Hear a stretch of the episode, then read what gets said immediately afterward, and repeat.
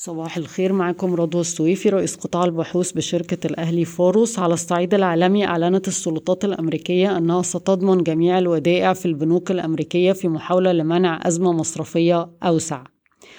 قد يؤدي فشل بنك سيليكون فالي إلى رفع أسعار الفايدة الفيدرالية في أمريكا بدرجة أقل مما سبق مما قد يخفف الضغط عن الأسواق الناشئة وطبعا مصر أحد هذه الأسواق.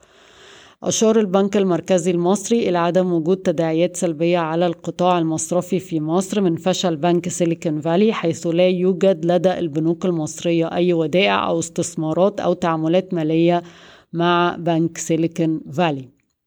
في مصر ستبدأ الحكومة في إعداد شركة صافي وشركة الوطنية لتقديمها وعرضها على المستثمرين الاستراتيجيين بداية من الأسبوع الحالي.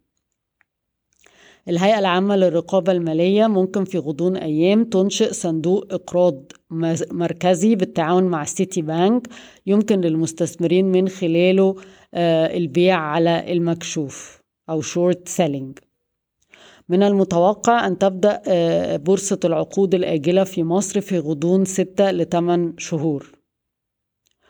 قدر مجلس الوزراء قيمة السلع المستوردة العالقة في المواني بسبب نقص العملة الأجنبية بنحو 4 مليار دولار. كمان أصدروا تصريح إن البضائع اللي تم الإفراج عنها من أول السنة حوالي 8 قيمتها حوالي 8 مليار دولار. مصر واليونان بتختار مستشار لإعداد دراسة الجدوى لمشروع الربط الكهربائي بين البلدين بقيمة 4 مليار دولار. CI Capital نتائج الأعمال ل 22 الشركة حققت صافي ربح 865 مليون جنيه مصري بانخفاض 43% على أساس سنوي بالرغم من ارتفاع الإيرادات ل 3.3 مليار جنيه 28% ارتفاع على أساس سنوي. التفاصيل الحقيقة لسه ما طلعتش عشان نقدم تحليل أكبر من كده. رايا القابضة حققت صافي ربح 419 مليون جنيه مصري بانخفاض 22% على أساس سنوي بالرغم من ارتفاع الإيرادات 20 ملي... ل 20 مليار جنيه ارتفاعا من 16 مليار جنيه غالبا الفرق خسائر ممكن يكون خسائر عملة. الجمعية العمومية برضو في رايا وافقت على زيادة رأس مال أمان آه لمليار جنيه تقريبا بزيادة 450 مليون جنيه. وزيادة رأس مال رايا Trade بحوالي 200 مليون جنيه ل 670 مليون جنيه للتوسع في التمويل. وفقا لساويرس أوراسكوم Financial Holding قامت بتحويل أي ودائع عند البنوك الأمريكية الصغيرة إلى JP Morgan و Merrill Lynch تخوفا من اللي حصل بعد فشل Silicon Valley Bank. رايا Contact Center سجلت أرباح في 2022 42 مليون جنيه مصري بارتفاع 93% على أساس سنوي. جزء منها نمو إيرادات ب 54% وجزء برضو كبير منها حوالي نصها مكاسب عملات أجنبية 23 مليون من ال 42 مليون أرباح. رايا Contact Center بيتم تداول السهم عند مضاعف ربحية ل 2023 عشرة ونص مرة.